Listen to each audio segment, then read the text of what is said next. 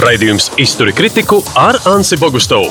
Spraiga viedokļu apmaiņa par aktuāliem notikumiem un sabiedrībā valdošiem mītiem un stereotipiem. Sveicināti, labdien, visapkārt, radio EHR. Mēs vienmēr mēģinām noskaidrot lietas, kuras redzam virsrakstos, un lietas, kuras vajag mazliet vairāk izskaidrot. Šodien divi cilvēki, kuri ļoti sirsnīgi seko līdzi notikumiem Baltkrievijā, tikpat sirsnīgi kā mēs katrs, un mēģinām izprast, kur tur ir mūsu iejaukšanās iekšējās lietās, un kur tur ir gluži vienkārši demokrātija, kura šobrīd šķiet, ka varētu uzplaukt. Nu, jo auglīga zeme ir cilvēku nerimtība, cilvēku nopietnība, apņēmība kaut ko tomēr mainīt mainīt uh, lietu kārtībā, nekā šķiet prezidents Lukašenko um, bija pa savam izdomājis. Dainis Ivāns, Latvijas Tautas fronts, pirmais šefs, uh, šobrīd Tautas fronts muzeja darbinieks, bet arī žurnālists un cilvēks, kur vārds Daugava, kas mūs vieno, vai ne? Baltkrievi un Latvieši vienu upi dala. Uh, es daudz darīju, Daini. Mēs runāsim uz to vienkārši tāpēc, ka mēs dzīvē runājam uz to. Veikals Polijas ārpolitikas institūta pētnieks, bijis arī saimnes deputāts, daudz strādājis ar ārpolitikas, mm -hmm. ar, ar aizsardzības jautājumiem. Un, nu, sāksim ar to, varbūt, es nezinu, vai tā ir romantiskā, liriskā vai patiesībā šobrīd kaut kā savādāk jāizvēlas nosaukt. Tātad, Mums ir viena upe, un uh, Balti, Baltu tautas un Baltu Krievija un tā mazākā brāļa sajūta izrauties no lielākā, bet ja tas lielākais ir otrs, Eiropa, man liekas, ka Eiropa ar aplastām rokām, izņemot tos kaimiņus ziemeļos ar Baltkrieviju, stāv un saka, jā, darām kopā. Man ir tāds sajūta, ka Uz Baltkrieviem tā no malas lielākā daļa Eiropas skatās, nu, nu redzēsim, kā jums tur izdosies. Palīgā mēs gluži neskrienam. Un tad ir vēl tā bažas par to lielo Krievijas lāci kaut kur fonā. Kā viņš reaģēs ar ūks vai, vai sitīs ar uh, ķepu. Daņ, tev ir kaut kāda emocionāla sajūta, ko mēs varam palīdzēt un kur varbūt nepārspīlēt. Ļaut nu, izcīnīt pašiem. Jā, tur jau tas eh, apstākļi un viss notikumi, kas norisinās, ļoti atgādina arī mūsu atmodu, jo arī mūsu Eiropa atklātām rokām negaidīja. Neviena rietumu valsts valdība negaidīja, drīzāk otrādi bija attieksme, bija pilnīgi tāda pati. Un eh, mēs redzam to, ka Baltkrievija tauta pati pamazām pārliecina, ko viņi grib, un viņi paši lemj savu likteni. Un š, mēs jau arī faktiski to pirmo atmodu, kas Latviju veiksmīgi noved līdz eh, nu, domāju, pašreizējiem rezultātam, kas ir fantastiski salīdzināt ar to, ka mēs atradāmies. Eh, mēs izgājām kopā ar Baltkrieviem, jo es jau tajā piketā pie Baltkrievijas vēstniecības teicu, ka 1986. gadā diez vai mums kaut kas būtu izdevies, ja mums Daugava aizstāvēt nenāk tālāk kā Baltkrievi ļoti drosmīgi. Tā bija Baltkrievi inteliģenti, Baltkrievi rakstnieki, mākslinieki, kuri uzrunāja savus uh, no teritorijas, toreiz Padomju Republikas sabiedrisko domu. Un, uh, mēs būtu ļoti ātri apklusināti, jo mums seja klāta ar Arthuru Snipu, kurš nesen aizgājis mūžībā. Jā, jā. Sā, sākas iet klāt buržāsko nacionālismu, kad pievienojās Baltkrievi. Tā centrāla komitejas un čekas veči bija tādi pilnīgi apsēdušies no pārsteiguma, jo viņi vairs nevarēja piesiet Baltkrieviju. Mēs sakām, mēs esam internacionāls, tā ir mūsu kopēja upe, tu pareizi teici, Daugava. Un uh, arī tagad, pašreizējos notikumos, es sazinos ar Baltkrieviem, man arī telefonā ir pilns ar vēstulītēm no viņiem. Gandrīz katrā no tām viņi piemin Baltijas ceļu kā paraugu. Jo viņiem tas ir tāds zināms etalons, laikam ne tikai Baltkrieviem, bet visai pasaulē. Tas Baltijas ceļš, kur 31. gada dienu mēs atzīmēsim. Un, un, uh, dabīgi, ka no sākuma tas bija tāds pārsteigums, bet eh, notikumi Baltkrievijā vēl, vēl vienu lietu atklāja, par ko ir vērts runāt, cik mēs maz zinām par Baltkrieviem. Viņi tieši to rakstīja, jūs taču par mums neko nezināt. Mm. Jo mums jau daudziem cilvēkiem, man ap citu ir arī no mūsu cilvēkiem vēstules, ko tad jūs tur opozīcijā aizstājat. Viņi ir norakstīta nācija. Viņi visi ir labi, ar Vitebs guberniju bija vienā, var teikt, jā, jā, tas, tas, tādus, nu, tā faktiski bija daļa no Latvijas, no tāda asinsrites. Nu, kaut kādā, nu kā, nu, mēs jau arī dzīvojām Vitebskā, jau ir gal galā arī Raiņa, Raiņa mātes kaps. Un, un tā, tā, tā bija saistīta ar mums, un, un faktiski jau tad ir jāatceras arī tas, ka galu galā drukas aizliegums, kas nu, būtībā bremzēja Latvijas attīstību, ko Cariskā impērija ieviesa. Drukas aizliegums Baltkrievijai eksistē līdz pat šai dienai. Baltkrieviem tas senā rakstība ir latīņu burtiem. Viņiem aizliedz to Krievijas impēriju, pēc tam Padomju Savienību. Jā, man ir Baltkrievu draugi, kur demonstratīvi raksta latīņu burtiem, jo tā ir kaut kāda sena kultūra. Labi, par to nacionālo romantismu, kas arī Jā. varbūt dzimst, un šo to no tā ir faktiski, ja tā drīkst teikt, dzemdējis arī Lukašenko. Tādā ziņā mums jā, jāatzīst, ka arī viņš mēģina nodalīt krievisko no baltkrieviskā. Veiko, man te ir tāds jautājums. Jā. Tu biji mm, tajā revolūcijā, kas izgāzās Turcijā, proti, bija um, apvērsuma mēģinājums. Man nemaldos, tu biji Turcijā tajās dienās. Mhm. Um, ar ko var salīdzināt? Tātad eksistējušais prezidents, un tad ir kāds toreiz tie bija turku armīnieki, viņiem tur tā ierasts parasti armīnieki. Ja? Bet Tur bija līderi, kaut kādi iecerētie, zināmie, nezināmie. Vai šo var Baltkrievijā salīdzināt kā revolūciju? Proti, ir tautas spēks ielās, ir ļoti liels pūlis, bet to līderu, kas stātos pretī kā kaut kas kā alternatīvs esošajam prezidentam, es nevaru nosaukt vārdā. Vienu mēs zinām, dāma, viņa ir Tikanovskas kundze, bet viņa vienā brīdī atteicās no tās lomas, un tagad atkal piesakās. Tā īsti nav skaidrs, cik viņa ir nopietna. Šeit ir, šeit ir divi jautājumi. Pirmkārt, Turcijas notikums un Baltkrievija īsti nevar salīdzināt, jo te Jā. ir viens gan. Uh, vēsturiskā, gan kultūra atšķirība. Un arī, ja mēs skatāmies uz valsts apvērsumu šajā 2015. gadā, tad tomēr šajā gadījumā Turcijā pastāvēja nomināli demokrātiska iekārta mm. ar politisku pārstāvniecību, vismaz četrām partijām pārstāvētām Meģlisā, jeb mm -hmm. Turcijas parlamentā. Un vienkārši arī neaizmirsīsim, ka Turcija ir viena no NATO dalībvalstīm. Mm. Tā kā šajā gadījumā ar to arī šis salīdzinājums beidzās. Bet ir otra lieta. Bet tu uzskaitīji nejauši pat visas problēmas, kāpēc savukārt Baltkrieviem tā neiet ar šo sajūtu pasaulē, ka pie viņiem pat pirms vēlēšanām neatbrauca novērotāji, lai varētu kaut vai apliecināt, ka vēlēšanas ir nozagtas. Tagad sanāk, ka mēs pat nevaram īsti pierādīt to, ko mēs apgalvojam. To, ko es arī savā īsajā domrakstā pēc Jā. protesta pie Baltkrievijas vēstniecības uzrakstīju, kad, ja mēs skatāmies no 94. gada caur 96. gadu un konstitūcijas izmaiņām, eh, cauri visām vēlēšanām. Šīs vēlēšanas vienmēr no starptautisko novērotāju puses ir atzītas kā nenotikušas. Un, eh, nu, jau 4. gadsimta. Jau burtiski tāda 4. gadsimta šīs vēlēšanas nav atzītas. Pēdējās vēlēšanās eh, nu, jau bijušais diktators Lukašenko savus vēlēšanas novērot, pat novērotājs neuzaicināja. Tā kā šajā gadījumā mums vispār nav nekāda kritika kritēriji, ar ko salīdzināt. Un tā nav mūsu mazliet vaina, ka mēs nedavāmies, lai varētu kaut vai opozīcija atsaukties uz starptautiskiem novērotājiem, nevis uz savu sajūtu. Jo pagaidām um, nu, tā likumiski pateikt, ja, mums ir oficiāli rezultāti, kas liekas, ka ir zakti, uh, ka 80% ir atdevuši par Lukašenko. Viņš tur stāv un jūtas, ka stāvēs vēl 5 no, Kā tas varēja doties? Es saprotu, ka atklātās Krievijas novērotājs to paņēma un iesvieda cietumā un savālēja rungā. Tieši jā, tā. Jā. Bet uh, atbildot uz tavu jautājumu, protams, ka uh, šajā gadījumā bija visnotaļ grūti to, to izdarīt, un to ir atzīmējuši arī Andrejs Sannikovs, Mariničs un citi, kas ir bijušie prezidenta kandidāti un diplomāti, kur arī ir pavadījuši no savu laiku cietumā un šobrīd dzīvo trimdā kad uh, viņi vienmēr ir atgādinājuši, ka šī rietumu samiernieciskā politika ar Lukašenko kriminālo režīmu ir tas iemesls, kāpēc tā situācija Baltkrievijā tāda, kāda viņa ir. Bet neaizmirsīsim, un tas ir man ir diemžēl ļoti skumji dzirdēt to no daudziem Latvijas politiķiem, kuri saka, ka, nu, redziet, Baltkrievijā tur īsti nekā opozīcijā nav. Bet pēdējos 26 gadus Lukašenko režīms ir mērķtiecīgi iznīcinājis jebkādus opozīcijas iedīgļus. Nu, kā lai, kā lai, jā, tieši kā lai, kā lai, viņi, kā lai viņi rastos. Labi, bet Daini, tu jau minēji, ka tā līdzība starp rietumu nu, sakrustotām rokām, nevis palīgā mešanos ir biedējoša, var teikt, no 80. gadu beigām, 90. gadu sākuma. Mēs tagad arī esam rietumi priekš Baltkrieviem. Nu, Ko jā. mums darīt? Un vienlaikus nesadegt, nepārspīlēt, jo vēl pirms, teiksim, 15, 20 gadiem mēs mazliet tā kā iesmējām, vai tiešām sasaldētā veidā no Amerikas frīzera var izņemt demokrātiju un aizvest uz tūkstnesi Irākā un izkausēt. Nu, te mm. arī, e, kurā brīdī tā būs mūsu, var teikt, lāču pakalpojums, nu, par daudz pašu izcīnīta brīvība ir īsta, nevis atvesta no kaimiņiem. Nu jā, man ir tālrunīgi, kuras tagad nevar atvērt, Jā. jo tas ir izslēgts. Ir arī vēstule no Baltkrievijas Nacionālās bibliotekas ģenerāldirektora vietnieka zinātniskajā darbā, kurš viņam lūdz arī to paskaidrot, kas, nu, kas viņiem notiek un kāds viņa viedoklis ir.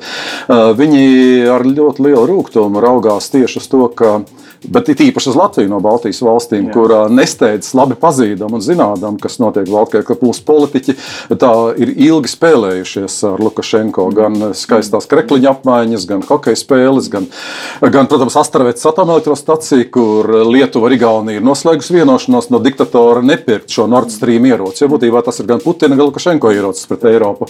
Bet Latvija, mūsu ekonomikas ministrs, kura ģīnas uz visiem stabiem tagad Rīgā ir, viņš ļoti ciniski paziņoja, ja, ka mums ir gal galā nošpļauties uz lietuviešiem. Ja, mēs, pirksim, jā, jā, ka mēs lētāk pirksim. Un redziet, te ir Baltkrievijas sarīkojums tajā, ka mūsu Latvijas no, šis oficiālā politika visā visumā ir ļoti īsredzīga raudzījusies, jo visi diktatora režīmi ir īsredzīgi.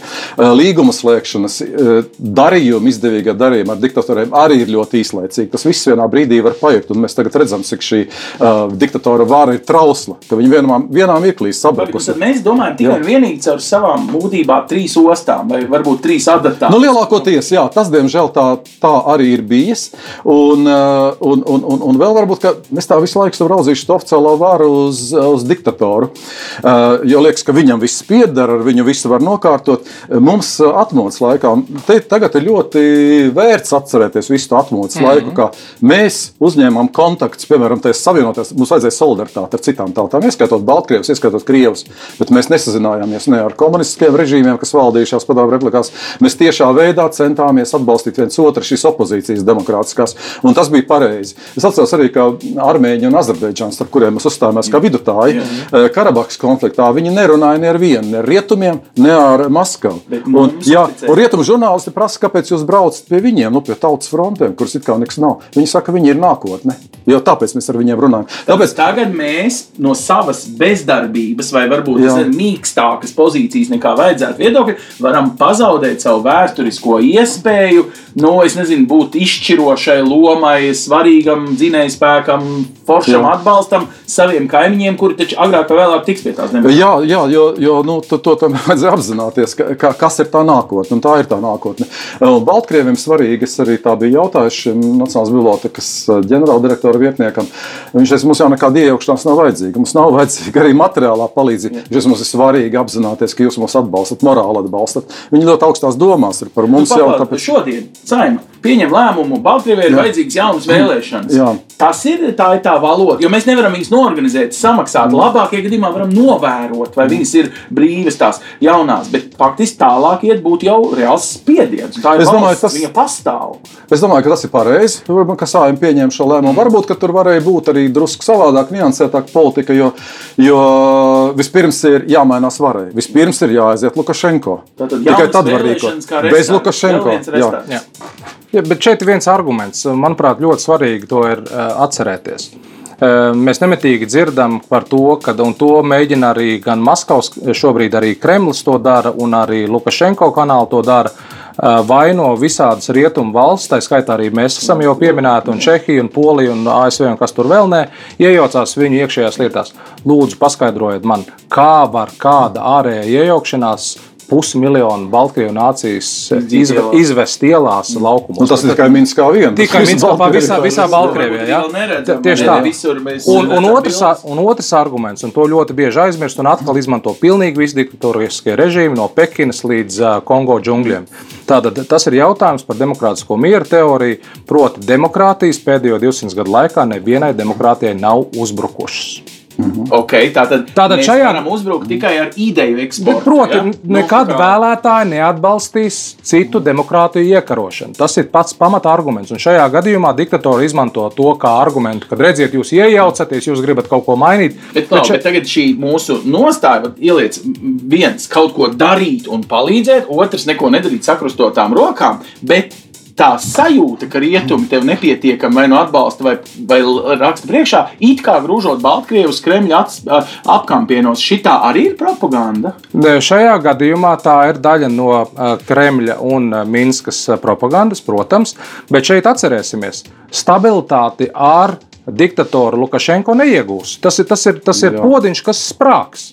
Mēs Bet to redzam. Viņš jau vārā. Viņš jau vārā. Viņš, viņš, ir, viņš ir pārvāries. Katliņš ir tukšs. Ūdens, Mums ir, jāuz, mums ir, mums ir jāatbalsta Baltkrievijas tautas vēlme aizstāvēt savas konstitucionālās tiesības. Izlasām Baltkrievijas konstitūcijas pirms šī mītiņa, un tagad atkal Jā. es esmu izlasījis Baltkrievijas konstitūciju. Viņiem līdzīgi kā mūsu satversmē ir astotā sadaļa par cilvēku tiesībām, viņas visas tiesības tur ir. Tikai netiek reāli. Tikai netiek pielietots. Tā kā Nu šajā jā. gadījumā Es domāju, ir jārada tā, kā drusku pieminēt šo tēmu, ja jārada arī tā sajūta, ka mēs viņus gaidām, mm -hmm. ka mēs esam Eiropa un ka mēs viņus gaidām Eiropā. Jo, Bet kur jo- uzā- paga- paga- uz Eiropas padomi? Nē, nē, es domāju, es domāju ne tiešā, pagaid, tā, es domāju, tā nav tāda tieša uzaicināšana uz Eiropas padomu, bet nu, šo, šodien pat mēs skatījāmies kadrus, ka pie tās koncentrācijas nometnes, jeb izolatora, kur tie sistie cilvēki joprojām ieslodzīti, uh, paceļ arī Eiropas Savienības karogu. Tas nozīmē, ka šī Baltkrieva opozīcija, kas tagad ir uh, viļņojusi un pacēlusi, ka viņi virzās uz Eiropu, un to man arī Baltkrievu draugi ir rakstījuši. Mēs gribam iet uz Eiropu, mēs negribam uz Krieviju. Bet mums jau ir arī Latvijā tādi propagandisti un ņaudētāji, ka uh, man arī viena vēstulīte ir atnākusi, lai es neaizstāvu opozīciju, ka Lūk, jā, Lukašenko distancējas no Krievijas, kas ir pilnīgs muļķības. Jā. D- Lukašenko jau ir kā cimds ar roku Putinam, un galu galā Putins jau ir vienkārši neveikls Lukašenko skolnieks, jo Krievijā taču termins Krievijas Lukašenkovizācija, tad, kad Putins nāca pie varas. ja tā var rupji pateikt, Dānijai, nu kam vēl, varbūt Zviedrijai, viņiem gribējās, lai buferzona ir nevis Baltijas jūra, kas ir tieši viņu robeža ar Padomu Savienību, bet mēs, Baltijas valsts, tātad Latgale, ir, nu mēs esam buferzona. Nu, vai mēs varam arī tik merkantīli teikt, mūsu nacionālās intereses ir, lai buferzona pavirzītos uz Baltkrievijas, Krievijas robežu? Nu, ka mums ir jāver durvis Eiropā, mums vēra Dāņi un Zviedri, un mēs tagad veram Eiropas durvis. Tas ir arī nevis idejiski, bet vienkārši nu, tā rupji, no drošības viedokļa. Pilnīgi. atbilde, protams. Pilnīgi, protams. Un kā vēl? Un kā vēl? Tas ir mūsu nacionālās interesēs. Tāpat kā Ukraina. Jā, galā- Tikai romantiskā daļa. jā, Ir arī nu, Jā, reāli tā- politika, asinis lēja un lēja par mums. Jā. Jā. Jo, protams, ka Krievija būtu gājusi tālāk. Ukraiņu viņus apturēja, un tas pats ir ar Baltkrieviju. Tādā ziņā mums jābūt pateicīgiem jau Jā. jā. vēl nostīt pat avansā, vēl pirms paldies Dievam, Baltkrievijā. Protams, jā. un Ielas asinis mm. būtu lemtas. Bet vai šādi runājot, nevis tajā romantizētajā mūsu vēstures līdzības saskatot, un ko nebūtu arī vieglāk šo skeptisko Franciju un skeptisko Spāniju un, un tā tālāk pārliecināt? Vienkārši nu, tā uz, uz, uz, uz papīra uzlikt un puiši jā, apturēja rekuru Ukrainu. Ukraiņi tagad Jā, šajā gadījumā mums ir, diemžēl, nav veicies ar Covid laiku. Kas ir prasījis liels finanšu līdzekļus, un mēs vēl nezinām, kā tas viss Covid laiks beigsies. Un otra lieta, un to Dainis ļoti labi var pastāstīt, kā tas notika 80. gadu beigās. ā, Viņi vispirmām kārtām grib pārliecināties, ka šī Baltkrievijas opozīcija tiešām ir spējīga valstiski ņemt varu rokā un šo valsti pārvaldīt. Tur tu- Dainis, tu Dainis to var pastāstīt ļoti labi, kā tas notika, divvaldība vai ne. Ah, nu jā. Tā kā šajā gadījumā ir jautājums, vai viņi būs spējīgi to vezumu nest. Paši opozīcijas Tieši, līderi, tieši. kuri ir it kā 25 gadus skaldīti un valdīti. Tātad, jā, protams, šobrīd būs līdzīgi kā mums bija 88. gadā atgriežas 11. novembrī sarkanbalts sarkanais ā, ar Evaldu Valteru un ā, Albertu Bēlu ā, svētā ā, gara tornī. Tā viņiem Grodņa pirmais bija baltsarkan baltais vai ne, un šobrīd pāri visai Baltkrievijai būs jūsma un emocijas par simbolu atgriešanos, bet tad nāks smagais jautājums par valsts pilnīgu restruktūrizāciju, jo viņi dzīvo tādā padomi kokonā joprojām, un tur būs smags darbs. Nu, un, Dani, un tu to atceries, visdrīzāk, tu pats biji augstākās padomas, toreiz jaunievēlētās nu, vice-spīkeris. Ja? Bet, bet tā bija tā simboliskā pārmantojamība, ka tautas fronte kā spēks kļūst arī par leģitīmas varas sistēmu, par balsojumiem un ko. Un tajā brīdī, nu, es nezinu, tev bija baigi daudz pieredzes. Tu baigi jūties tāds tikpat labi izglītots, kā, es nezinu, varbūt bijušie eh, centrāla komitejas kolēģi, kuri nu, bija vismaz aparačika līmenī iemācījušies pārvaldīt lietas. Kā tur sanāk, vai tas nav tas ļoti kritisks mirklis? Jā, nu tas eh, tā ir, ka mm, arī mums jau bija tā, tā galvenais spiediens uz mums, ka mēs neviens neko neprotam, Jā. nezinām, mums nav pieredzes un tam līdzīgi. Izrādījās, ka tomēr bija, un, un otrām kārtām, ka Tautas fronte jau rūpīgi gatavojās varas pārņemšanai. Mm. Mums bija vesels programmas tieši kā pārņemt varu. Varbūt vajadzēja kaut ko savādāk, bet nu, tajos apstākļos, kas bija, es domāju, tas bija veiksmīgi. Mums izdevās. Rezultāts bija Un beig, jā, un tā, beigās, jā, jau, jā, Paldies, jā. jau izrādījās, ka, ka, ka tieši tiem, kas ilgus gadus turēja šo vārdu, tieši tie izrādīja absolūtu nemākulību. Nu, arī Lukašenko diktatūras režīms. Es domāju, ka tur tie puiši mm. un tie, kas tos mazos pulciņus organizē Baltkrievijā, viņi ir galvas tiesa pārāki gan intelektā, gan arī domāšanā, gan vadītspējā par Lukašenko. Jo nu, viņam, Krievijā saka, Baltkrievijā, ka viņam jau aizbraucis ir jumtiņš. Un, no varas. un man liekas, ka šim cilvēkam ir jāmeklē biļets uz Ķīnu, nevis jāspriedelē par savu, viņu savu gribētu valsts kaut tālāk. tālu? Es Nu, domāju, es- kaut es kur domāju- Es domāju, ka nē, es, domāju, es, es, es, es, es, es vienkārši paredzu šādu scenāriju, bet es domāju, ka mums, kā Eiropiešiem, un arī tas būtu ļoti liels atbalsts Baltkrieviem, tomēr ir jābūt kaut kādai pārliecībai, ka šādiem cilvēkiem kā Lukašenko un citiem diktatoriem ar visiem saviem varmākam, ka viņiem ir jāstājas vai nu savas tautas tribunāla, vai arī Eiropas starptautiskā tribunāla Jā, priekšā. tad vai nu uz Hāgu, vai nu tad tiešām Jā. tik tālu prom, ka nekad vairs atpakaļ ceļa Un nav. iesaldēt līdzekļus bankā.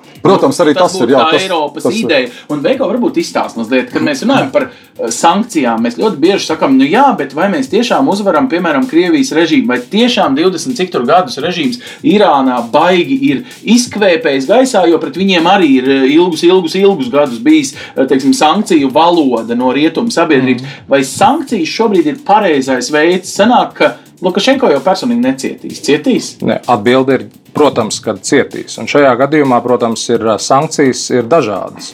Viens ir klasiskās sankcijas, ko mēs piedzīvojam augstākā periodā, kur vienkārši vesels tātad, ā, tautsainiecības sektori bija slēgti. Vai tas būtu naftas iegūs vai gāzes iegūs, vai nu, tur jebkurš cits ā, tautsainiecības sektors.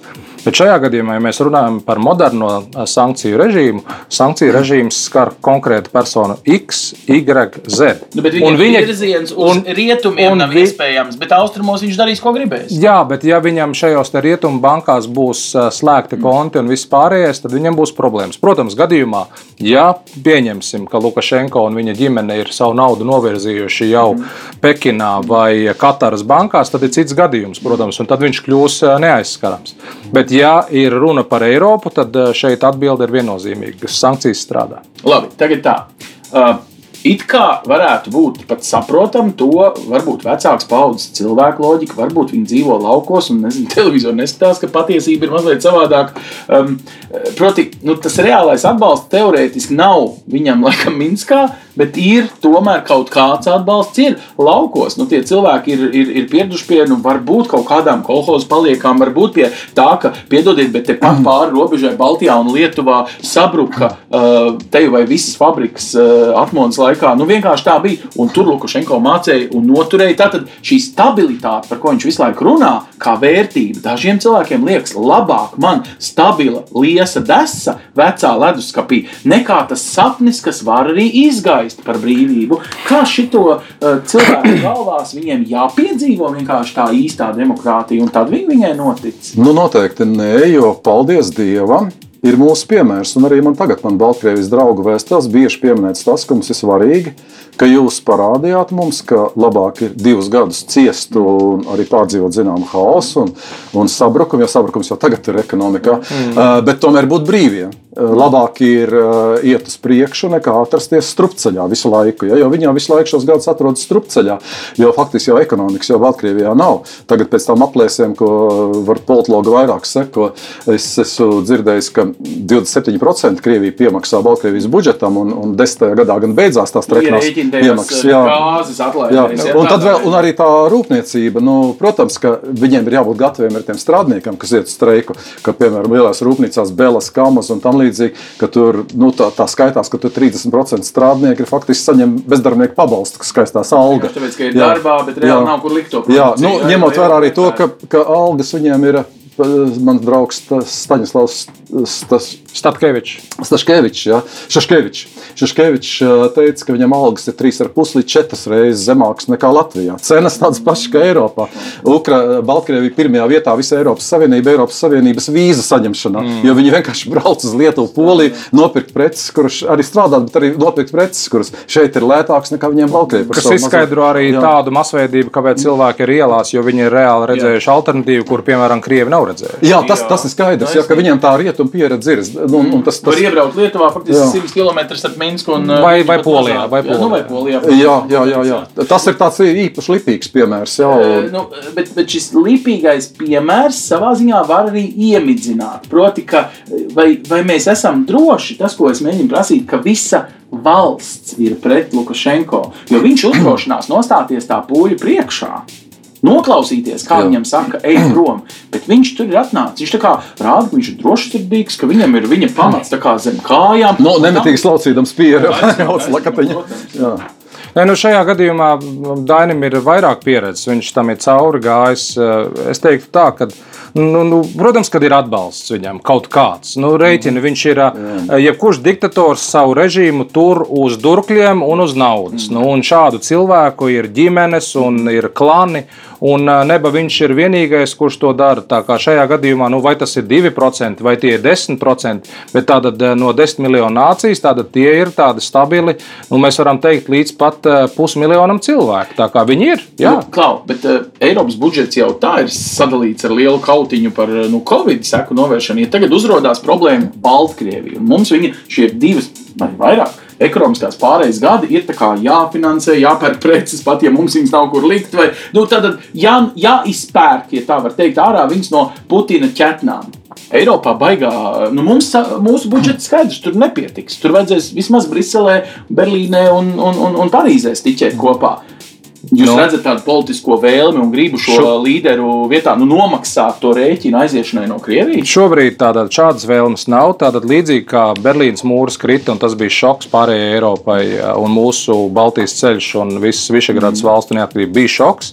Tātad tas ir viens. Otrs ir, ja mēs skatāmies pēdējo trīs gadu laikā, mans labs kolēģis Andris Kubiļus eh, sākumā esot eh, Lietuvas opozicionārs, tagad Eiropas parlamentā mēģinājis runāt par jaunu maršals plānu Ukraiņas palīdzībai. Tas nekur nekust uz, ne no vietas. Tā kā ja mēs to nevaram pat Ukraiņai, nu kur nu vēl Baltkrievijai? Tā ir mana īsa atbilde. Bet tad, ko mēs tagad musinām viņus no uh, malas? Ja patiesībā mums viņiem ir nu, tikai sliktas ziņas. Ansi, mēs uh, viņus nemusinām. Mēs, Mēs nevis, viņus to, to nemusinām. dara viņi paši. Nu, Jā. tas ir domāju, šis aplamais, kas Jā. cilvēkos iesakņojas, ka, ka, kā Gorbačovs uz mums kliedza. Nemitīgi, ka Baltijas valstis, eh, toreiz Tautas Jā. frontes, eksportē revolūciju. Ja? Kaut gan tas jau bija tā kā dzirkstelē tajā vispār ugunsgrēkā. Es Svarīgākais ir tas, ka Baltkrieviem šobrīd, tāpēc arī viņi visi ielās, viņiem vairs nav ko zaudēt. Viņiem vairs nav ko zaudēt. Tikai ķēdes. nu, nav. Tie ir, domā, jā, tie ir domājoši cilvēki, tomēr, kas ir izgājuši. Un, un, nu, ja, klausies, ja rāda pat sižets, kur pat sāģā, kur dzīvo 60 cilvēki, it kā kolhozņi, kur var atbalstīt. Ja viņi iznāk visi vecīši un, un vecenītes un jaunieši, visi 60 iznāk protesta demonstrācijā pat Lukašenko, tad viņiem ir svarīgi. Viņi, viņi tiešām saka, Vācijas projām, ka mēs kaut kā tiksim galā. Un, eh, viņiem Bet aizies viņš tagad, iedomājieties to dienu. Tagad viņš ir iekāpis lidmašīnā un kaut vai lai brauc uz Ķīnu vai Kataru. Nu, vai nav vienalga? Nu, lai viņš, viņš eh, gan jau, ka tā teikt, Jā. beigs kaut kādā veidā to savu dzīvi. Kas iestājas? Iestājas tāds klusums, nāk mūsums, jo man tajā bildē uzreiz parādās liels cilvēku daudzums, kurš kuri netiek vadīti. Jā, ir, Kurš tāda, vada? ir tāda sajūta, bet eh, tomēr raugoties tajos Baltkrievijas procesos, visu laiku mēs redzam, ka dabiskā veidā izaug tie masu līderi, vadītāji. Jo beigās tagad ir veidojis jau Tihanovskas štābs. Uh, Baltkrievijas ir ļoti gudra un ļoti apdāvināta inteliģence. Un, uh, tur jau ir pieteikušies daudz cilvēki uz šo koordinācijas padomus vietu, tā. kur ir daudz labāk kā Lukašenko Tas būtu kā mūsu satvērsmes eh, sanāksme pēc 8. Nu, varbūt tā būtu Latviešu pagaidu nacionālā. Padome, Tā varētu jā. būt, ja, kas sanāk kopā. Praktiski jau tas pats vien veidojas. Nu, Un, nu, mēs jau arī to, man, man piemēram, bija nesen tāds liels atklājums, tas varbūt novirz no tēmas, bet arī par Baltkrieviju. Cik maz mēs Baltkrieviju zinām, Baltkrievu literatūra. Vai kāds šeit Latvijā mums izrādās nav tulkots, kaut arī desmitiem ta- tautu valodās tulkota Baltkrievu literatūra. Uh, es tikai tikko pati negribēju pat nākt šeit, jo ielasījos Aļģirda Bahareviča grāmatā uh, Eiropas suņi. Fantastiska grāmata. Tas ir kaut kas tāds starp Markesu un Berto Eko mm. par ceļu uz Eiropu. Par grāmatu sākas ar vārdiem Bris, Baltkrievu valoda. Jo tu man visu laiku atgādini brīvību, kuras man nav. Ja? Un tad uh, tas, tas sižets ir tāds, ka, ka šis uh, varonis, kuru pratina uh, Lukašenko čekisti, tur gan nav teikts, ka tas ir tāds anti-utopija, ka viņš izgudro savu valodu, baļbutu kurā sāk runāt ar vien vairāk, ar vien vairāk -huh. gudru cilvēku. Ja, kur, nu, būtībā tas notiek šobrīd. Jā. Tur būtībā, būtībā šajā romānā ir paredzēta pirms vairākiem gadiem rakstītā šī revolūcija. Un, protams, Nobela prēmijas laureāta Svetlāna ir- Viņa jau ir pieteikusies šajā Tihanovskas padomē. ja. Viens no gaišākajiem Eiropas cilvēkiem. Inteliģences tur ir gana. Paldies Latvijas inteliģencei toreiz, 80. gados. Uh, inteliģence parasti nenonāk pēc tam vadošos amatos. Tur parādās tas, es, es neesmu, protams, nekāda mm -hmm. dzegus no Lukašenko režīma, bet es bišķiņ dzirdēju, ka Lukašenko faniem patīk tas, ka viņš ir it kā nodrošinājis, ka nav oligārhu. Atšķirībā no Krievijas un Ukrainas. Nu, atkal Proti, viens, viens, viens, no, viens no mītiem, ja? vēl viens no mītiem. Nu, nu, viss Lukašenko klans ir tieši tā, viss, viss Lukašenko klans ir oligārhi. Punkts. Jā. Var cikot, viņi vienkārši nu, jauc uh, terminus vai neizprot uh, definīciju cilvēku. Jā, tur no, tā, tā faktiski tā ir visa valsts nozagšana lielos mērogos, kas viņam ir. Un vēl jau ir uh, arī tas diezgan sāpīgi, ka nu, visus šos gadus it kā Eiropa nemanīja. Nu, tur būtībā, es domāju, tur, tur jau vajadzēja sākties bez sankcijām. Ir taču slavenais, kas jau pierādīts, kas ir viss, kur presē parādījies. Slavenais Lukašenko nāves eskadrons, mm. kuru vada bēdīgs slavenais pulkvedis Pavļčenko, kurš ir nogalinājis gan kolekcijas pretinieks, un kurš parādījās arī šajos nemieros, kā viens no komandieriem, cilvēkiem, kur, eh, tie, tiem eh, omaniešiem, kur daudzīja cilvēkus. Mm. Un, eh, un, un, un, un, jā, tas ir, tas tā ir viņa gvarde. Tie ir viņa oligārhi, un viņi, viņi jau skatās uz to tautu, kā krievi saka, bidla, jau uz kaut kādu pūli, par kuru viņi jau ir iemācījuši ar saviem rīkļrāvējiem omaniešiem, ka viņi ir rasistiski augstāki par visiem pārējiem, ja, ka viņiem viss atļauts, bet pārējiem nav atļauts. Tas pēc nacionālsociālismu. Klau, um, tagad, tā jau ir arī, jā. Tā, tā arī ir, jā. Nu, jā. Bet, Klau, es tagad gribu mēģināt ielikt līdzībās. Tu mini par Baltijas ceļu kā par līdzību, un tu veiko savukārt eh, organizē šo veidu, kā mēs varam pateikt, klau, mums nav viena alga. Un es teikšu tā, uz robežas taisīt Baltijas ceļu, gribās tā kā uzreiz pretī. Šobrīd simboliski tātad mums sestdienas vakarā jau mm -hmm. jādodas tajā virzienā, ja kas var paspēt arī svētdien, tad tā ir tā Baltijas ceļa mums svarīgā piemiņas mm -hmm. diena, bet eh, šoreiz viņam pat nav tāda loma Rīgā vai savienojoties atkal, cik var starp Tallinu un Viļņu cauri Rīgai, bet Ko? Ko tu gribētu savienot Daugopilī ar? Paldies, ka tu minēji. Tātad eh, mēs savienojam eh, šobrīd eh, Meikšānus, jeb draudzības kurgānu, mm -hmm. kuru padomu laikā pazina ar citu ideoloģisko vēstījumu. Tā kā ideoloģiskais vēstījums ir draudzības kurgāns, un tomēr šeit ir brīvība Baltkrievijai, mēs nesam draudzības un solidaritātes vēsti, ņemot vērā tos, ko šobrīd Lukašenko diktatūra dara. Taču šis gājiens ies līdz Piedrojai, proti mm -hmm. līdz Likteņu upei Daugavai, kur otrā pusē pusē ir Baltkrievijas pilsēta Drūja, un šajā gadījumā skatīsimies, kā šie jaunieši, Latvijas jaunieši, spēj šo lietu norganizēt. Tā kā es esmu tikai viens no līdzorganizatoriem, es palīdzu, bet galvenie organizētāji paši ir Latvijas jaunieši, kur arī grib, lai Latvijas vārdu sadzird. Jo neaizmirsīsim, Latvija ir viena no trijām Eiropas Savienības dalībvalstīm, kuriem ir robeža 79 km ar Baltkrieviju. Tā kā mums ir svarīgi uzrunāt arī pašus Latvijas iedzīvotājus, arī mums ir 69,000 Baltkrievu izcelsmes Latvijas pilsoņi.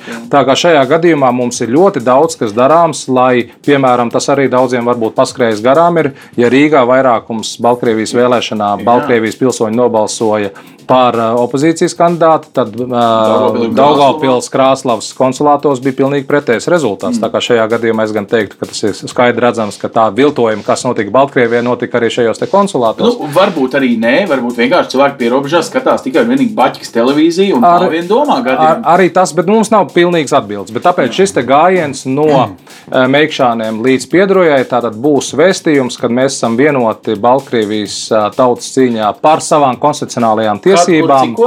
Tātad sākās pulkstenis septiņos mēģināšanos pie Austruskoka Latvijas galējā austrumu punktā. Pagaidiet, tā, saka vēlreiz, tātad 22. vakarā 22. vakarā septiņos. Nakts gājiens. Tas būs nakts gājiens okay. līdz pat um, pulkstenis 12 Piedrojā, kur būs tas eh, pasākums. Jāņem līdz pasi, jo tā ir pierobeža zona. Jā, protams, un, un, un arī jāreģistrējās, jo savādāk mēs nevaram iesniegt mm. visus līdzdalībniekus, kas vēlās piedalīties uh, robežsardzē, lai saņemtu atļauju. Kur jāiet reģistrēties, kāda mājaslapa? Nē, vienkārši um, pie Pilsoniskās alianses un pie jauniešu organizācijas protests. Viņiem ir savs mājaslaps un arī Facebookā var visu izlasīt un attiecīgi reģistrēties, un tad kopēji tiks reģistrēti, lai cilvēki varētu pierobežu zonā būt. būt. Daini, tik simboliski. Tas ir tas, ko tu gribēji tagad dzirdēt 30 gadus vēlāk, tam, kad Baltijas Jā, protams. ceļu pa parasto telefonu jūs saslēdzās 600 km, kas ir nu, kā minimums Guinness rekords, ja ne sākums Latvijas Jā, neatkarībai. jā, jā, tas uh, ļoti labi, ka tas turpinās. Jo man jau arī tā liekas, ka faktiski tas Baltijas ceļš jau nav beidzies. Nu, mēs jau Ukrainā redzējām to pašu, ka, ka tur Baltijas ceļš kaut kādā veidā turpinās. Un uh, Baltkrievija šobrīd arī tikai ir nosaukums nevis brīvība Baltijai, bet brīvība Baltijai par brīvību Baltkrievijai. Mēs tā varētu to teikt. Un 23. man liekas, tas ļoti labi, ka tas notiek. Un 23. tad acīm redzot, jābrauc visiem uz Lietuvu. Un tad viss- Ar Latvijas karogiem, jo lietuvieši veido no. Arī 19. es Pre- sapratu, no Viļņas līdz uh, Baltkrievijas robežai dzīvo ķēde, bet tā tad nu, ir pamatīga dzīvā ķēde, kas, uh, kas dublē Baltijas ceļu. Lietuvas uh, tādas pazīstamas sabiedriskie darbinieki ir gājuši ar tādu uzsaukumu, un, un es tā dzirdēju arī Latvijā, ka šis uzsaukums sasniedz Latviju, un ka cilvēki no Latvijas arī brauks tur. Ja? Tātad šī pati pilsoniskā alianse arī organizē arī Latvijas iedzīvotāju reģistrēšanos braucieniem uz Viļņu. Tā kā šis te Latgales pasākums piedrujā beidzoties arī visi tie, kas vēlās, tie dodas uz Viļņu, bet tajā pašā laikā tiek organizēta arī autobusi, lai no visas Latvijas cilvēku varētu organizēt, doties un piedalīties šajā gājienā Viļņā. Uh, nu, Covid laikā vienkārši maski jāņem līdzi, bet nu, baidīties no Covid. Liet, Lietuvā sevišķi. Jā, Lietuvā, Lietuvā likums, Tas gan, uh, bet tagad iedomājamies to Baltijas ceļu, kur mēdz atkārtot. Nu, salīdzinām situāciju pirms dažiem gadiem. Mums bija Katalonija. Mums arī ir emocijas, vai ne? Tur ir mūsu komponists Meldiņš paņemts par nacionālo himnu. Mm. Ielieciet man, kur es nu, jūtos savādāk. Jo šeit mēs pārmetam valdībai, ka viņi ir nepietiekami skarba savā atbalstā. Katalonijas gadījumā visi ir pilnīgi apjukuši. Vai mēs runājam pretī Spānijas vajadzībām, vai par Katalonijas kā atsevišķu tautas neatkarību. Uh, atkal Baltijas ceļš tur skan fonā, vai ne? Abos gadījumos. Protams, bet, eh, ja mēs runājam par Spāniju un Spānijas-Katalonijas attiecībām, tad mums ir cits raidījums vajadzīgs. Jā, Bet tomēr nu, protams. mēs nenolieksim, ka Spānija ir demokrātija. Spānija tomēr, ir jā, visa demokrātisko organizāciju dalībniece. Tā kā šis ir iekšā demokrātiskās Mhm. diskusiju jautājums. Baltkrievija ir diktatūra, kur Mhm. cilvēkiem ir tiesības papīra, bet cilvēki nebija spējīgi izprast, saprast, kā savas tiesības aizsargāt. Un šobrīd šis Covid ir to pagrūdis, daudz citu faktoru ir pagrūduši, ka beidzot Baltkrievi ir atzimuši kā Fēniks no pelniem, kā nācija. Tieši Nu, tāpat nu, kā Kataloni Latvija. ir- teiktu, klau, mēs kā nācija dzīvojām gadsimtus, un, un la, la, la, nu, viņi piemeklētu argumentus līdzīgi. Bet, bet, bet tad ir vajadzīgi tam rezultāti. Šeit uh, Dainis to ļoti labi atcerās, kādā veidā taktiski bija jādomā gudri atbildēt uz PSRS Gorbačova piedāvāto referendumu, lai tajā nepiedalītos un pirms tam iztaisīt mūsu pašu referendumu, kā augstākās padomus vēlēšanās, kā bija plānots, lai dabūtu lielāku pārstāvniecību. Tā kā šajā gadījumā, ja piemēram Latvijas gadījumā rezultāts, es šobrīd hipotētiski runāju, būtu 51 pret 49. Nezinu, kāds būtu rezultāts, bet tomēr 70 pāri tas jau ir tautas vairākums. Kataloņiem ir šī problēma - 50%. faktiski ir 50, Un tagad ir jautājums Baltkrieviem. Ja viņi šajās vēlēšanās, nākošajās brīvajās, ko uzstāja gan Lietuvas, gan Latvijas parlaments un valdības, iegūs 70 un vairāk procentu atbalstu, tad mēs zinām, kāda ir atbalsts. Labi, Daini, nu, līdzība ar Kataloniju nav ko jaukt olas ar zirgiem. Nu, protams, ka tas ir uh, nedaudz savādāk, uh, jo Baltijas ceļš jau tika atkārtots arī Hongkongā Jā, pagājušā mm, gadā uz taisnība, 30 jā. gadi. Un uh, Baltijas ceļš jau faktiski kļuvis par tādu, nu, varbūt negribas lietot šo vārdu, nodrāstot brendu pasaulē. Zīmolu. Jā, zīmolu, kurā, uh, pēc kura cilvēks skatās, Baltkrievi arī piemin. Tagad ik mīļa brīdi viņi piemina Baltijas ceļu kā vienu no tādiem paraugiem, kā vajadzētu cīnīties par, par neatkarību. Katalonijā vēl varbūt trūka vēl viens lietas, kas bija atšķirībā no mums Baltijas ceļa laikā. Mums jau tas galvenā tā programmatiskā uh, prasība, kad mēs gājām jau pirmajā vēlēšana kārtā parlamentārā revolūcijā pēc Estādes deputātu kongresa, bija panākt Ribbentrop-Molotov pakta Atcelšana. pielikumu atcelšanu, atzīšanu par nelikumīgiem. Un Baltijas ceļš jau rika, tika rīkots tikai šī iemesla dēļ. Tas pārējais jau bija tikai atskaits, lai piespiestu Maskavu rēķināties un iekļaut darba kārtībā. Pēc, pēc pusgada, nu, tas nebija pusgads, pat tas bija 24. decembrī, bija slavenā sēde pēc Restāles deputātu kongresa, kad Kremlis. Kremļa vairākums, arī mēs tur bijām toreiz iekšā. Eh, Balsoja, ka ir bijuši pretēji protokoli, ka tie ir nelikumīgi no parakstīšanas brīža un noziedzīgi. Un tur kaut kādām atrunām tālāk, kam vairs nebija nozīmes. Tajā brīdī mēs Gorbačovam, turpmākās sarunās, kurš visu laiku mums spieda, varbūt tāpat kā Kataloniem saka, uh, tur ievērojot Spānijas konstitūciju, mēs viņiem sakām, Mihails Sergejevičs. Mums uh, nekas nav jāievēro, jo tikko Kremlis pats ir nobalsojis, ka mēs nekad tur neesam iestājušies. Jā. Mēs varam runāt tikai par formalitāšu kārtošanu, kā mēs kārtojam savas attiecības. Jā, jā nu, bet būtībā tas ir tāds uh, gudrs, nevardarbīgās pretošanās paņēmiens. Nu, cerams, ka šī pat gudrs plāns ir Baltkrieviem. Kā tev šķiet, tu teici to inteliģenci? Um, nu, tad atpakaļ pie Baltkrievijas, kurā ir galu galā arī daudz ārpus uh, pašas valsts dzīvojošu, bijušo opozicionāru, esošo opozicionāru, kas var palīdzēt ar intelektu, ar varbūt sakariem rietumos. Vai ir tāda sajūta, ka Baltkrieviem ir tiešām fizisks plāns, jo par kataloniem ir dzirdēts, ka viņiem ir plāns, ka viņu pretošanās iespējams būs gadiem vai gadu mhm. desmitiem, bet viņiem ir plāns, kā viņi savas idejas panākt. Baltkrieviem izskatās, ir sāksies revolūcija bez plāna. Nē, revolūcija bez plāna, protams. Lukašenko taču ir iesēdinājis visus oponentus, iznīcinājis visas organizācijas, tur īstenībā nav nekā.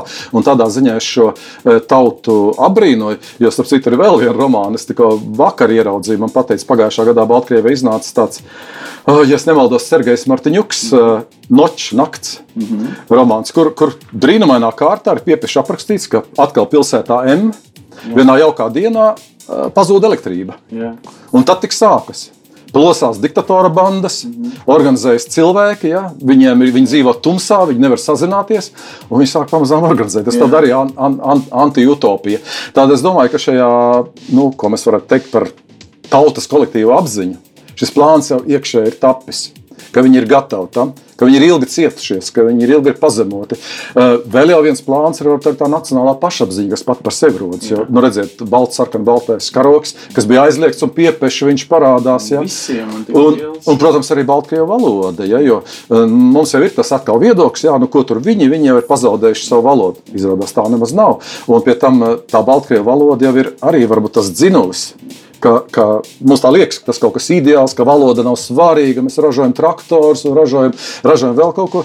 Nu, pēkšņi izrādās, ja, ka žive Belarus arī tie, kas jau sen aizmirsuši Baltkrievu valodu runā, ka parādās Baltkrievu lozungi, ka tomēr tas, tie protesti arī ir ļoti baltkrieviski un viņi ir vērsti arī pret kolonizāciju. Tātad viņam šī, šī, šī, šī, jo nu, nevar jau teikt, mēs, mēs tagad smuki runājam, ka, ka Lukašenko ir distancējies no Krievijas būtībā, jau jau teicu, tā nav īstenībā. Viņš ir pilnīgi, viņš būtībā ir vienkārši vienkārši viens, kas ir piezīdies Krievijai, Krievijai klāt. Bet, uh, tieši tāpēc arī šī revolūcija tas antikolonālais raksturs, ka viņi mēģina arī atbrīvoties no lielā brāļa skavā. Pārējām par šo antikolonālo tēmu, tas ir nereāli, ka Krievija gribētu atdot Baltkrieviju vienkārši tāpēc, ka cilvēku uz ielām lūk nepiekrīt līderim. Nu, Krievijā tādas lietas arī neapspriež. Tu vari nepiekrist vai piekrist. Kremlis valda, mm. nevis uh, cilvēku uz ielām. Nu, ko jūs tur cienītais uh, Aleksandrs nevarat uh, savaldīt savējos? Kāpēc jūs vispār ļaujat viņiem pulcēties? Es pieņemu, ka Putins kliedz uz to Lukašenko ne? pa telefonu. Tā, viņi tas nu, nevar zināt, kurš uz kuru kliedz. Viņi kliedz noteikti, un šobrīd klausoties arī, ko viens no Kremļa apskatniekiem, profesors Solovejs, bijušais eh, MGU eh, vēstures profesors, ziņo, ka nu, šīs kliegšanas ir bijis visnotaļ daudz pēdējā laikā. Mm. Bet, nu, atbildot uz tavu jautājumu, tad šeit ir, protams, neaizmirsīsim to, ko Dainis arī ļoti precīzi pieminēja, kad Eh, ja mēs runājam par šo apvienoto valsti, tad eh, vēl 2000. Eh, gada sākumā iemesls, kāpēc Baltkrievija tik sparīgi gāja uz apvienoto valsti, bija tiešām Aleksandra Lukašenko vēlme kļūt par apvienotās Krievijas, Baltkrievijas mm -hmm. valsts vadītāju. Mm -hmm. Viņš saprot, ka Putins ir. Ne, jā, jā. Es domāju, ka arī Krievi atbalstīja nu, tā tieši tā propagandīskais slānis. Es domāju, atbalstīt Lukašenko, jo viņam likās, ka Lukašenko ir vēl pamatīgāks. Vēl pamatīgāks. Padomju cilvēks. Jā, un šajā gadījumā, tad atbildot uz tavu jautājumu, protams, Krievijai ir savi neoimperialistiskie plāni, teiksim, Kremlī. Bet eh, neaizmirsīsim arī to, kas notiek šobrīd Habārovskā, tālajos austrumos. Un šajā gadījumā, īsi īs atbildot tev, protams, Putins grib tikt vaļā no Lukašenko. Viņš ir noguris eh, mūžīgās eh, pirms 1. janvāra sarunas par naftas cenām. Viss pārējais viņš nevar rīkoties Baltkrievijai, kā viņš to ir iedomājis. Viņš ir pret Krievijas karabāzēm bijis un visādi citas mm. lietas, kur viņš nav mierā ar Lukašenko. Tā kā šajā gadījumā viņš, kā Kremlis vienmēr ir strādājis ar svešām rokām, tikt pie savas politikas rezultātiem. Tā kā svešām rokām nogāzt Lukašenko, to viņš nemaz neslēpj. Bet, nu, ja Baltkrievi tam piesakās un tikt vaļā no diktatora, manuprāt, ir svēta lieta. Eh, Tas ir viens un otrs, protams, kā tad vēlāk Krievija šo partiju izspēlēs. Un, Protams, protams, tev nebiedēja, ka Krievijai ir vismaz pieredze Maidanā un faktiski Grūzijā. Un proti, ka Krievija vienmēr māk nomenedžēt ar spēkiem vai zaļajiem cilvēciņiem. Nu, te Nu, lai- bija nu, lai- paziņojumi nu, jā, par tiem Nu, omoniešiem, kas man at, brauc man Baltkrievijas atbilde tev ir ļoti vienkārša. Ja Krievija ar saviem uh, zaļiem cilvēciņiem būs Baltkrievijā, tās būs kārtējās sankcijas pret uh, Krievijas politisko elitu. Un to Putins un viņam līdzās stāvošie noteikti negrib. Viņi jau tagad cieš no sankcijām. Tā kā šajā gadījumā. Pagaid, un tad piecus gadus vēlāk, Krimā, šodien, piecus gadus vēlāk, Krimā, ja aiziet uz ielas, nu, cilvēki vairs nav tik dedzīgi par nu, viņiem arī izskalo smadzenes nu, lēnām. Nu, Donets, kā cilvēki brīvās vēlēšanās, iespējams, arī nobalsotu par Maskavas patiesību, jo Ukraiņas sen nav redzēti. Protams, šobrīd ir vairāki faktori. Mums nav kristāla bummas, mēs nezinām, kā precīzi, jo revolūcijas nekad nevar paredzēt. Revolūcijas ir stihiskas. Un šajā gadījumā, protams, tas, ka Kremlis spēlēs uz saviem kandidātiem, tas, ka Kremlim iespējams arī viens no trijotnes, Babariko kandidāts, kas ir uh. Gazprom bankas uh, cilvēks, tātad, kad uh, šeit tika likts kārts uz viņu. Bet, manuprāt, divi lielākie faktori, ko mēs nedrīkstam aizmirst, tā ir Baltkrievijas ekonomikas pilnīgā saistība ar Krievijas militāro rūpniecisko kompleksu un tas, ka viņi, ir, viņi var pastāvēt pateicoties šīm Krievijas budžeta asignācijām un lētajiem energoresursiem. Tas ir viens. Un otrs, tas, ka Kriev, Baltkrievijas armija ir pilnīgi Krievijas komandu Nu, vadības. tā būtībā ir. Krievijas Tā armija. ir Krievijas Nav, nav armija. nekāda. Jā. Tā kā šajā gadījumā atšķirība no Latvijas, protams, bet šajā gadījumā Dānis ļoti labi atcerās savus sarunas, vai, vai kāds cits toreiz runāja ar uh, Ziemeļrietumu pavēlniecības Kuzminu. Vai ne? Kuzminu, jā, jā. jā, vai ne? Bet mums pašiem armijas nebija, jo tad zemesardze dibinājās tikai 91. gada 23. augustā. vai ne? Tā kā šajā gadījumā nu, situācija, var teikt, ir līdzīga. Un, ko darīs Baltkrievi jaunieši, kas dienā Baltkrievijas armijā, kas ir Krievijas komandu vadībā? Tā kā šeit ļoti daudz neatbildētu jautājumu. Un, un vēl jau, man liekas, ir arī tāds uh, neskaidrs jautājums, ka ir zināms, ka Baltkrievija ir vārti, pa kuriem Krievija jāpiet sankcijas rietuma. Jo tur jau Arī arī, mēs- arī Arī pateicoties. mēs savus produktus Jā, mēs to paši darām. Jā, jā, lai tas Baltkrieviju. Krieviju. Tātad uh, būtībā Baltkrievijas pazaudēšana arī šai ziņā Krievijai ir liels uh, nu, ekonomisks trieciens. Bet tajā pašā laikā, nu, protams, ka Putinam ir milzīgs risks, jo es domāju, ka ja viņš uh, vismaz atklāti to mēģina izspēlēt kaut kādu spēku uh, variantu Baltkrievijā, ka viņi ļoti paši ātri vien var sagaidīt, spriežot pēc kā Barauskas uh, Lukašenko liktenis. Un man liekas, ka to viņš apzinās, jo arī viņš ir ļoti rausteklīgs un ļoti Tātad nedrošs. viņam palicis. vajadzētu ātri beigt, lai tas ilgi televizora ekrānos nerada muļķīgu domu iegānstu viņa. Proti, Krievijas. Viņa, jā, jā, nu kā, nu tas jau Krievijiem jau ir faktiski tā kā, tā kā, nezinu, mācību stunda, ko darīt ar Putinu. Jā, jo, Televizorā parāda, ko darīt. jo es eh, nu, arī skatījos tās translācijas, kas Dožģā iet. Starp citu, ļoti interesanti, ka Baltkom televīzijas paketē, Jā. kurā, kurā Dožģis bija, tas ir izņemts ārā tagad Jā. šis kanāls. Tiešām. Jā, tieši pirms Baltkrievijas notikuma. Viss cauri neksta.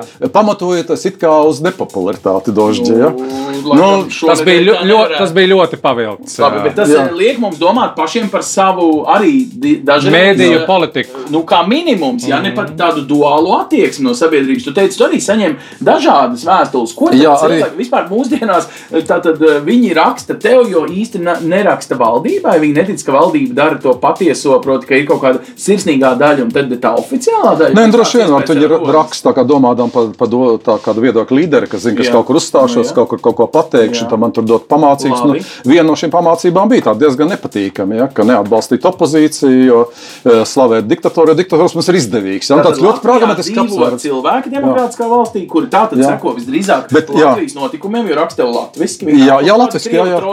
Jā. Pierobežu. Pat varēja saprast, ka tie pāris cilvēki, kas tā rakstīja, bija patriotiski noskaņoti, kā latviski patriotiski. Jā. Jā, jā, jā, jā, jā. Kur šobrīd tieši- šo Jā. vēsturisko Stingro roku. Jā. grib. Es, piemēram, tā, nākdams uz šejienes, klausījos radio Baltkom, bija ieslēgts. Tā interesi pēc. uh, Tā, viņiem bija kaut kāda arī tieši ēta diskusija Jā. par uh, Baltkrieviju. Nu, zini, apžēliņi. Jā, apžēliņi. Kurā valodā? Krievu valodā? Krievu, krievu, krievu mācīties valodā. jā. Baltkumā krievu valodā. Tas pats, kurš aizliedza Dožu, tagad izslēdza. Nu, tur bija tāda publika, man tur uzaicināja viņu runāt. Bet es domāju, ka man būs grūti runāt, jo tur jau autori tādi, kur nu, tā faktiski tā kā sēdētu Interfronts mītiņā. Jā, interfronts mītiņā, Lukašenko midzenī iekšā. Jā, tāda, tāda, ka viņi vispār uh, neapzinās, kur viņi Bet dzīvo. šie cilvēki dzīvo šajā valstī. Jā. Tātad arī šajā valstī ir vismaz divas patiesības par to, kāds ir nezinu, rīcības plāns, attieksme, motivācija, kaut kādas tādas lietas. Tad mēs šeit paši esam tikuši galā, ko, kas ir mūsu valsts pozīcija. Bet, Nu, es tā ceru, ka valsts pozīcija vairākums jau es domāju, nu, sliedz domāt pareizi, ja, ka tas, tas tomēr ir margināls mazākums, kas, kas protams, ir ļoti skaļš. Es jau, nu, kas tur varētu sēdēt, balkonā rādā nemitīgi zvanīties. Es domāju, tur jau jābūt drusku arī psihiskām novirzēm, lai, lai, lai, lai, lai to darītu un paust savu viedokli. Kruspunkts ir vēl viens piemērs. Kruspunkts arī jā, man Parastie Es kruspunktā, kad tieši ēteru dzirdu, man gribas zvanīt, lūdzu, beidziet šo pārēju. Ja, jo vienkārši es krītu depresijā. Pagaidām, nekrīt vēl depresijā, bet kaut eh, viens ir dzirdēt to, bet otrs no tā paņemt secinājumu. Tā tad nav tā, ka cilvēki jūs bijāt. Es nu, skatījos tiešām ar deksmu uz jauniem cilvēkiem, kuriem vērtības sistēma ir demokrātija, kā to varētu palīdzēt dabūt kaimiņiem. Bet turpat blakus cilvēki žņembāji košļi un nesaprot, ko jūs te kliedzat pie tās Baltkrievijas vē- vēstniecības pirms nedēļas. Nu, tādā ziņā kā mēs varam tikt līdz šim nosacīt konsensusam, kas ir mūsu, un tā tad iespējams, cerams, arī mūsu kaimiņu uh, dabūnamās vērtības. Ne, bet mums jau to, ko Dainis teica, vairākums jau ir. Tas, ka uh, prezidents ir savu paziņojumu izdarījis, tas, ka uh, ārlietu ministrija ir mm, tas, ka viņš vienkārši ierakstīja divus vārdus Žive Belarus, jau ir uh, vairāk kā skaidrs vēstījums. Tas, ka šodien saima šādi lēma, tā kā šobrīd uh, sabiedrības vairākums ir absolūti pareizo vērtību pusē. Es teiktu, pareizo tādā ziņā, ka es kā demokrāts ticu demokrātijai un, un uh, likuma varai. Un, un, kā politologs izskaidro man, lūdzu, tad mēs esam šajā mirklī. Ierakstot ar manu ārlietu ministra uh, pirkstiem savā oficiālā kontā, tā teikt, Žive Belarus, beiguši šo bišķiņu izlikšanos, par ko mēs tikko Daini runājām, ka mūs faktiski interesē ekonomiskās plūsmas no Baltkrievijas. Mūs interesētu, lai uh, ķīniešu vilciens no Baltkrievijas tomēr ar Latvijas, nevis tikai Lietuvas un Polijas ostām padalās ar precēm, ja atbrauks pa zīda ceļu. Nu, kaut kādi tādi mūsu mazās intereses gal galā par hokeju. Jeb, jebkur, jebkurā, demokrā, jebkurā demokrātijā ir savas interesu un lobby grupas, tas nav izslēgts. Un, uh, Es domāju, ka Dainis 90. gada sākumā to ļoti labi redzēja, kā viņas veidojās un kā viņas guva spēku, kas ir atkal citas un ļoti interesantas diskusijas vērts jautājums. Bet atbildot uz jautājumu par hokeja čempionātu, manuprāt, šobrīd arī valdības vadītājs ir ļoti skaidri nokomunicējis, ka tāda tā ir Startautiskā hokeja federācija, kas organizē šo pasākumu. Mēs esam viena no organizējušām valstīm, un tas ir skaidrs, ka ar šādu aptrakošu diktatoru organizēt čempionātu nevar. Bet ne jau mēs lemsim tagad, ar ko mēs organizēsim. Līdz ar to valdība ir cauri Šuplinskas kundze ir vērsusies pie IHF, sakot, ka lūdzu atrodiet mums citu valsti. Ja nevaram, tad mēs, tad mēs atsakāmies. Tā kā, manuprāt, ļoti cienījama un ļoti, ļoti pareiza nostāja. Ja runājam par kravām, tad nu, neaizmirsīsim arī tas, ka pateicoties tam, ka tā ir bijusi Krievijas politika, patiesībā tranzīta nozara vairs nav, te jau nav tāda, kāda viņa bija pat pieci gadi atpakaļ. Tā kā šajā gadījumā, protams, arī neaizcirtīsim pilnīgi durvis, jo pēc Lukašenko tomēr Baltkrievija paliks mūsu kaimiņu valsts un viņiem vajadzēs ostas un izvest preces vai ievest preces. Tā kā šie kontakti paliks, es domāju, nevajag mālēt to kaķi vairāk kā viņš ir mēls. Mums vienkārši citreiz liekas, ka mūsu ekonomiskās intereses te vajag skatīties vairāk no savas. Mūsu ekonomiskās intereses ir balstītas zinātnietilpīgā ekonomikā, tātad IT mm. industrija tā tālāk, nevis būt atkarīgi no Krievijas oglēm vai Baltkrievijas kālī. Nu, jau jau mēs vairāk kārtīgi esam pārliecinājušies, ka no tā, tās cerības, ka, ka no tādiem diktatora veida valdniekiem mēs kaut ko sarunāsim, viņas jau izgājuši. Man liekas, zīmīgi bija pirms gada, man šķiet, tāda intervija ar Taivānas pārstāvu Latvijā, ka viņš gaiši pateica, Jūs taču neko neesat ieguvuši ar savu pielīšanu Ķīnai lielai. Neko, nu neko, nulle, pilnīgi. Ja? Nulle. Arī no baidīšanās un bēgšanas no Dalai Lamas mēs neko neesam ieguvuši. Šāda režīma kā Ķīnā, komunistiskie, viņi ar to nerēķinās. Viņu prasības tik visu laiku aug. Ja viņu prasības tiek ievērotas, tad drīzāk viņi rēķināsies nekā. Kā, nu, un, un mēs jau zinām, ka ar šiem nu, totalitāriem režīmiem nu, ar tiem līgumiem ir ļoti maza vērtība. Viņš vienā brīdī var tikt pārtraukts. Daini, bet tad ir viens es, nu, ietvars, sauksim viņu tā, ir starptautiskās organizācijas. Vienīgais, faktiski, kur mēs varam satikt Baltkrievus, ir ANO. Nu. Ņujorkā. Viņi nav Eiropas padome, tāpēc, ka viņiem lūk, ir navas spriedums un mums ir formāls iemesls eh, viņus Mhm. neuzņemt. Un tāds bija arī mūsu, vai ne, tur iekļūšanas ceļš, atcēlām navas spriedumu. Um, Nu, cits, tātad, Patiesībā mums trūks tāda, nu, sauksim, viņu par formālo skatu, kur ar viņiem sarunāties. Sanāk, ka mums ir vai nu jā, jā, jākliedz par robežu, vai nu jāsūta nu, divpusējs sajūta. Varbūt jāmaina arī šeit ir attieksme. Nē, nu gan jau arī būs, ja viņiem mainīsies un veidosies, kā tagad veidojas pilsoniskā sabiedrība, tad būs arī partneri. Mēs jau arī nebijām nekur. Jā. Mēs nebijām nekādos sāno, pilnīgi mums nulle. Mēs rakstījām vēstules apvienotām nāciju organizācijai, ka te, uh, mums Maskava draudēja, ka brauks ar tankiem pēc Baltijas ceļa. Mums nulle nekāds atbildes nebija. bija ārzemēs dzīvojošie latvieši, viņu organizācijas, viņu sakari ar, es nezinu, Amerikas uh, senatoriem. Un es saprotu, arī tu tiki vests pie tā senatora, kā pierādījums, ka tautas fronte ir dzīva un, un ka aiz viņas stāv uh, cilvēki. Šobrīd varbūt ir tas mirklis, kad mums ir jāvēr durvis lūk šiem pasaules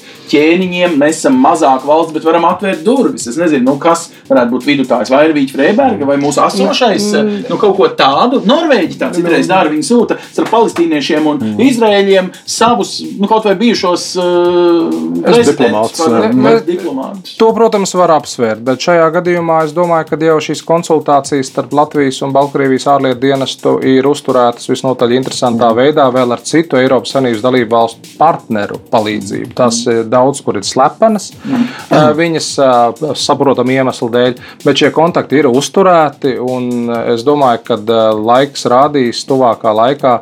Protams, mēs Latvija neesam šeit ļoti liels spēlētājs, jo pateicoties vēsturei un Lietuvas, Polijas kopējai valstī ar Baltkrieviju un Ukrainu, Polija un Lietuva ir šajā politikā daudz vairāk ieguldījusi politisko Nu, un ekonomisko iepriekšējos kapitālu. Tā kā šajā gadījumā to, ko mēs te varam paņemt un solidāri esot ar Višegradas un Baltijas valstīm, šajā gadījumā mums nav jāizgudro otrs velosipēds. Šobrīd eh, Lietuva ir līderis, eh, tā kā viņa bija Vitauta laikā. tā kā- Un tā mums vajadzētu arī turēties aiz tās Lietuvas un Polijas. Bet, bet nu, mums jau arī ir jāapzinās, ka Baltkrieviem pašiem ir pietiekoši spēcīga politiskā trimda, emigrācija ar, ar alternatīviem, cienījumiem cilvēkiem, kuri, man liekas, to jau dara. Es nešaubos, ka viņi to dara, jo, jo es, ir, ir dažas jau intervijas bijušas, kur kad cilvēki kauj kājas, lai dotos atpakaļ uz Baltkrieviju, kuriem ir ietekme, kuros ieklausās, e, ieklausās rietumi. Tad Un, līderi būs un Viņi panāks. Viņi Viņi vienkārši protams. priekšā. Mums jau bija tas pats, dienām. jā, parādījās mūsu līderi. Neviena nebija, nu, kurš mani pazina vai Jā, pazina Ivaru Godmani un, un pie, piepeši mums pieņem Baltijā namā. Ka mēs nes, nekas neesam. No padomju savienības viedokļa mēs nekas neesam. Jā, mēs Nulle, esam kaut kāda pilnīgi, nu, opozīcija. Bet tagad izskaidrot vienu lietu, kas ir tāda, tā kā mēs te svinējām Krievijas un uh, Latvijas uh, no miera līguma simts gadi pirms nedēļām. Un Tajā brīdī atcaucāmies to uz mūžīgiem laikiem, atzīst, un tad okupēja un, un viss tas, kas notika pēc tam, to simts gadu gaitā. Baltkrievija ir eksistējoša valsts, mēs viņu cienām, viņai ir karoks, himna, varbūt mazliet sovietisks tas karoks, vēl kaut ko mēs Nu, varētu karoks ir aizvainojošs mums, es Bet- teikšu, ja, jo viņš nu, reanimējas varbūt padomju nomainīs. savienību. Bet, Bet nomainīs, jā. es uh, mēģinu sev nu, tā kā iemācīt. Tā ir valsts. Viņai vienkārši vadītājs ir dīvains čalis. Mums, nu, mēs neatjaunojam no nulles, eh, viņi nedibina jaunu valsti. Ja? Lūdzu, Mm. izskaidrojiet eh, tās līdzības vai tieši atšķirības, jo mēs ļoti bieži atsaucamies. Mēs turpinām savu valsti, kas bija okupēta padomu laikos. Kā šeit pret Baltkrieviju ir jātiecās? Tā ir Nu, nu, viņa arī bija faktiski jaundibināta valsts, kur Lukašenko nu, kā, nezinu, nozaga un, un privatizēja. Nu, nav, nav tā.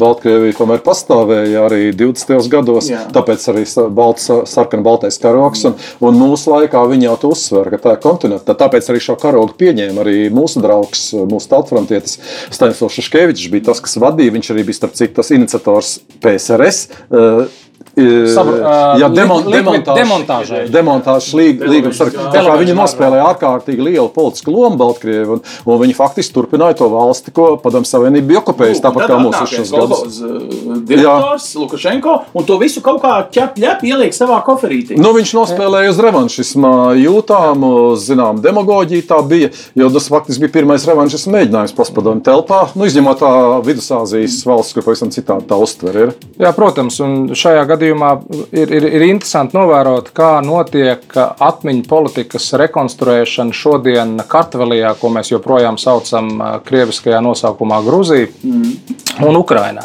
Jo arī Kartvēlijā, un Ukrainā, un Azerbaidžānā, un Armēnijā un Baltkrievijā visas pēc Brestļitovskas miera līguma, tātad visas bija izveidojušas savas tautvaldības, kuras, protams, ja mēs pēc neatkarības kara izcīnījām savu neatkarību, tad viņas, pateicoties Vācijas un PSRS vienošanās, zaudēja savu neatkarību. Un šajā gadījumā ir interesanti redzēt, kā Kartvēlijā un Ukrainā viņi atjauno šo atmiņu uz 18. gada republiku. Viņi svin šo simts gadu, tas viņiem ir svarīgi. Un es domāju, tas pats notiks arī Baltkrievijā. Mēs to emocionāli lieliski saprotam. Jā, jo mums 8. novembris ir tas mūsu mirklis. Nu, ko, liels, liels paldies! Tad mēs esam vienojušies, ka sestdien, svētdien mēs esam tur. Piedrujā, visi, visi, kas var, piedrujā, drujā, pēc tam. Viņa patiesībā iepratim jau Minskai uz, uz, uz Lietuvas ārējās robežas. Un, uh, mēs uh, ne tikai darbos, bet arī domās un sekojam līdz notikumiem un turam kreņķi, lai rietumu valstis arī patiesībā seko tikpat svarīgi, kā mēs šeit šķiet, ka esam uh, nu, vismaz uz viena viļņa. Vismaz mums te laikam jā, nu, izdevās, jā, ar, ar pašapziņu, ka mēs paši esam rietumu valsts. Jā, jā, un ka mēs, mēs lemjam. Un ka mēs kādam varam. Dažām nepatīk, ka mēs kaut ko iesakām citām valstīm, bet uh, Tāpēc ir tāds milzīgs niknums, bet Lukašenko tāpēc pieminēja nelietīgās Baltijas valstis. Jā. Bet, jā, mēs varam jaucam to mieru, bet, bet tāpēc, ka mums ir tiesības, mēs zinām labāk. Un mums savā ziņā tas ir gandrīz tā kā apbalvojums un pagodinājums. Ja Lukašenko mūs tā nolamā, tad ļoti mm. labi, tad mēs esam uz pareizā ceļa. Um, Brīvība Baltkrievijā. Živa Belarus. Tieši tā. Ar to arī beidzam. Lielas paldies gan Danim Ivānam, gan uh, Veikos Polītim. Ja jūs vēlaties šo raidījumu dzirdēt uh, vai padot draugiem tālāk, lai saprastu lietas, kamēr tās notiek, kad tās notiek, tad pirmkārt EHR mājaslapā, otrkārt EHR aplikācijā. Esam ļoti populāri, kā teikt, kā links, ko uzdāvina, lai saprastu, kas notiek pasaulē. Nu, īpaši šeit, Ziemeļa Eiropā, šie, ticiet man, kādreiz vēstures grāmatās būs tādi īpaši mirkļi, ko aprakstījis ar, eh, starp citu, arī ar vēsturiskām personībām šajā studijā. Labs ir, tiekamies atkal nākamajā reizē. Starp citu, runāsim par sieviešu lomu Baltkrievijas eh, revolucionārajā kustībā ar divām eh, latviešu ekspertēm. Tā kā pēc divām dienām tiekamies atkal uz redzēšanos. Projektu finansē Mediju atbalsta fonds no Latvijas valsts budžeta līdzekļiem.